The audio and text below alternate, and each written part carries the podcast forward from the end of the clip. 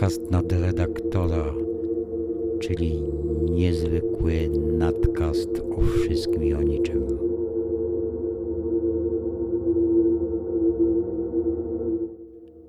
Odcinek dziesiąty. Każdy lotnik to zalotnik. Dobra wiadomość jest taka, że na razie upały powstrzymują się od frontalnego ataku na mój skandynawski, preferujący chłód organizm.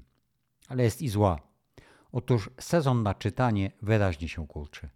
Wypychają go na margines prace polowe w rodzaju koszenie, plewienie, pier, pie, pielenie.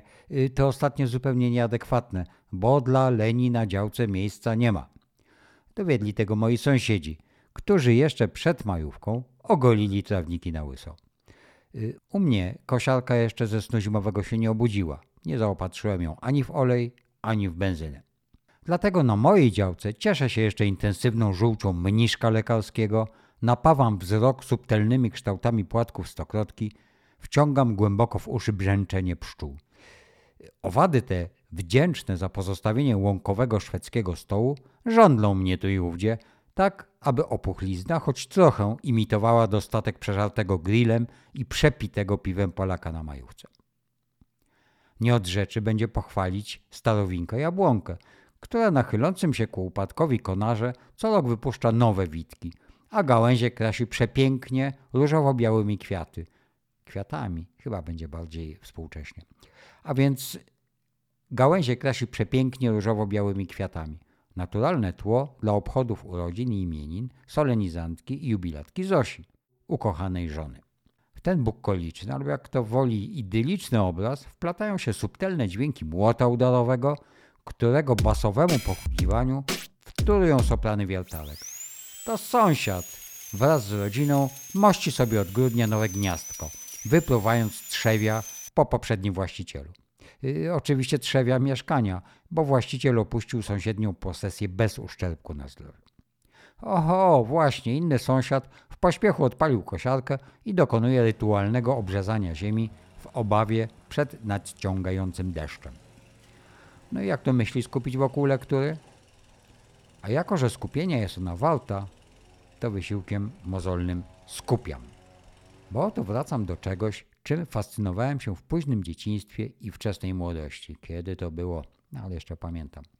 Jeżeli ktoś nie zna Małego Księcia, to znaczy, że jest z zupełnie innej planety.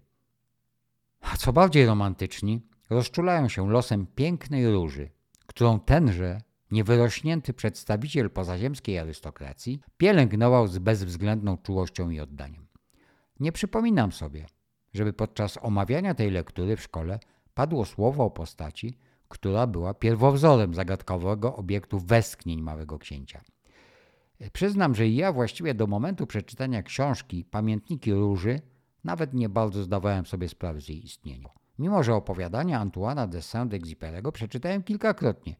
Nigdy wcześniej nie natrafiłem na ślad pierwowzoru, róży, pierwowzoru, pierwowzoru róży z planety B612.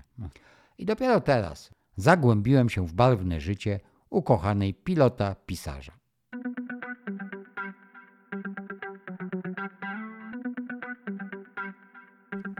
Consuelo, hrabina de Saint-Exupéry z domu Soucy de Sandoval, bo to ona była właśnie, bo to ona jest e, właśnie autorką pamiętnika e, wspomnień Róży, pamiętnika Róży, w chwili poznania e, Saint-Exupéry'ego miała już ze sobą dwa małżeństwa. Pierwsze z kapitanem marini meksykańskim Ricardo Cardenasem, z którym się rozwiodła, którego uśmierciła po to, żeby zostać uznaną za wdowę, a nie za rozwódkę. Po raz drugi wyszła za mąż za Gwatemalczyka, pisarza, dziennikarza i dyplomatę, argentyńskiego ambasadora w Paryżu, Enrique Gomeza Carillo, który po dwóch latach małżeństwa zmarł był, zostawiając ją na tym US Padole. Wdowieństwo musiało jej całkiem nieźle służyć, dlatego że gdy na spotkaniu śmietanki towarzyskiej w Buenos Aires wpadł na nią załatwiający interesy Towarzystwa y, Aeropostal, y, czyli linii pocztowych południowoamerykańskich Antoine de Saint-Exupéry, wywarła na nim wielki urok. Był on na tyle, aż tak duży, że właściwie osaczył ją y, w klubie, w którym się spotkali, nie dał jej wyjść, nie pozwolił jej wyjść i razem z przyjaciółmi uprowadził ich na podniebny lot, z którego mogli podziwiać zarówno Buenos Aires, jak i y, zachód y, słońca. W 1931 roku odbył się kolejny ślub. To, co było między ślubem a śmiercią Saint-Exupéry'ego, to był szereg skandali, to był szereg zdrad. Zresztą zdrady te były obopólne. Saint-Exupéry nie krył się z nimi, natomiast w książce Pamiętniki y, Róży, właśnie Pamiętnik Róży, Consuelo bardzo oględnie i skromnie wspomina swoje wyskoki. Właśnie tylko między wierszami, tu i ówdzie można się domyśleć, że cieszyła się wśród mężczyzn wielkim powodzeniem, y, obracała się w gronie artystów, w gronie pisarzy. Tymczasem Saint-Exupéry pomiędzy swoimi lotami, pomiędzy podniebnymi y, zdobyczami, między innymi próbą oblecenia samolotem P-38 błyskawice dookoła świata, również nie stronił od kobiet. W pewnym momencie, gdy stał się już uznanym pisarzem, no miał niesamowite powodzenie i z książki, a także z relacji biografów wynika, że dosyć chętnie z niego korzystał.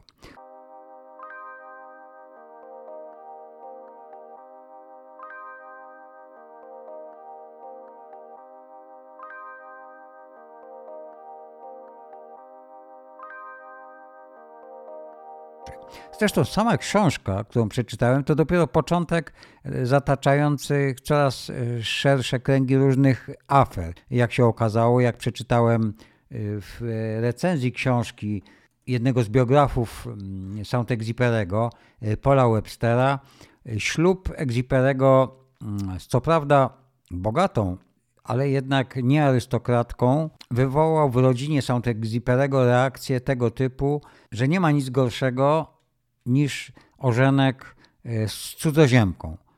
Uważano, że to już lepiej ożenić się z Żydówką niż e, z cudzoziemką.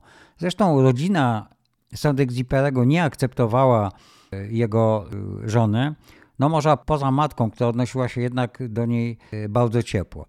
Jeżeli ktoś chciałby sobie wyrobić pogląd na to, jak wyglądało pożycie pomiędzy pomiędzy małżonkami, to polecam książkę. Nie jest ona gruba. Moim zdaniem ciekawsze jest to, co się też działo wokół tej książki. Mianowicie y, książkę napisała Consuelo po zaginięciu w Oceanie Śródziemnym podczas lotu patrolowego y, Antoana de Saint-Exupéry'ego. Nie wydała jej, nie chcąc zapewne narażać na szwank żyjących jeszcze osób i dopiero po jej śmierci, która nastąpiła w 1979 roku, 20 lat po jej śmierci, jej spadkobierca, kierowca i ogrodnik odkrył zamknięty w skrzyni rękopis y, wspomnień róży.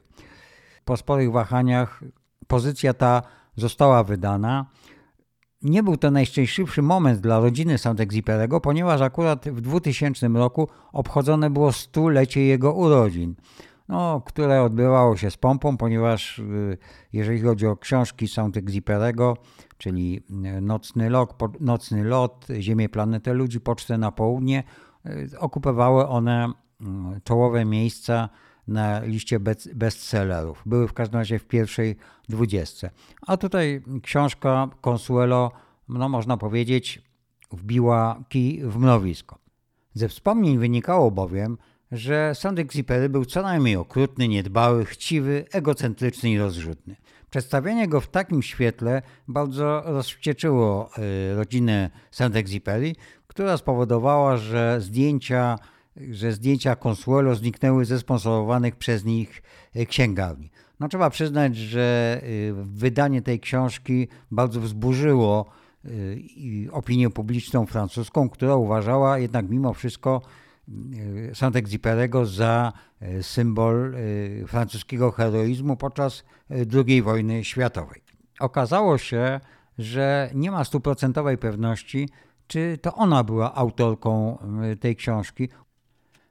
Śledztwo przeprowadzone przez szwajcarskiego dziennikarza Christiana Campisza który opublikował y, analizę policyjną y, pokazującą, że strona y, rękopisu, która miała dowodzić, że to Consuela była autorką wspomnień Róży, należała do pisma Denisa de Rougemont, który był kochankiem Consuelo i podejrzewa się, że dyktowała, y, że właśnie Consuelo dyktowała Denisowi te swoje wspomnienia. Próby zdyskredytowania Consuelo i jej y, książki na pewno nie spodobałyby się y, Exuperemu, tym bardziej, że podczas poszukiwań znaleziono oprócz szczątków samolotu bransoletkę, na której były wygrawerowane imiona Antoine i Consuela. Romantyczni zwolennicy Saint-Exupéry'ego uznali Y, tą bransoletkę ostatnim znakiem jego poświęcenia dla żony, wiadomością z głębin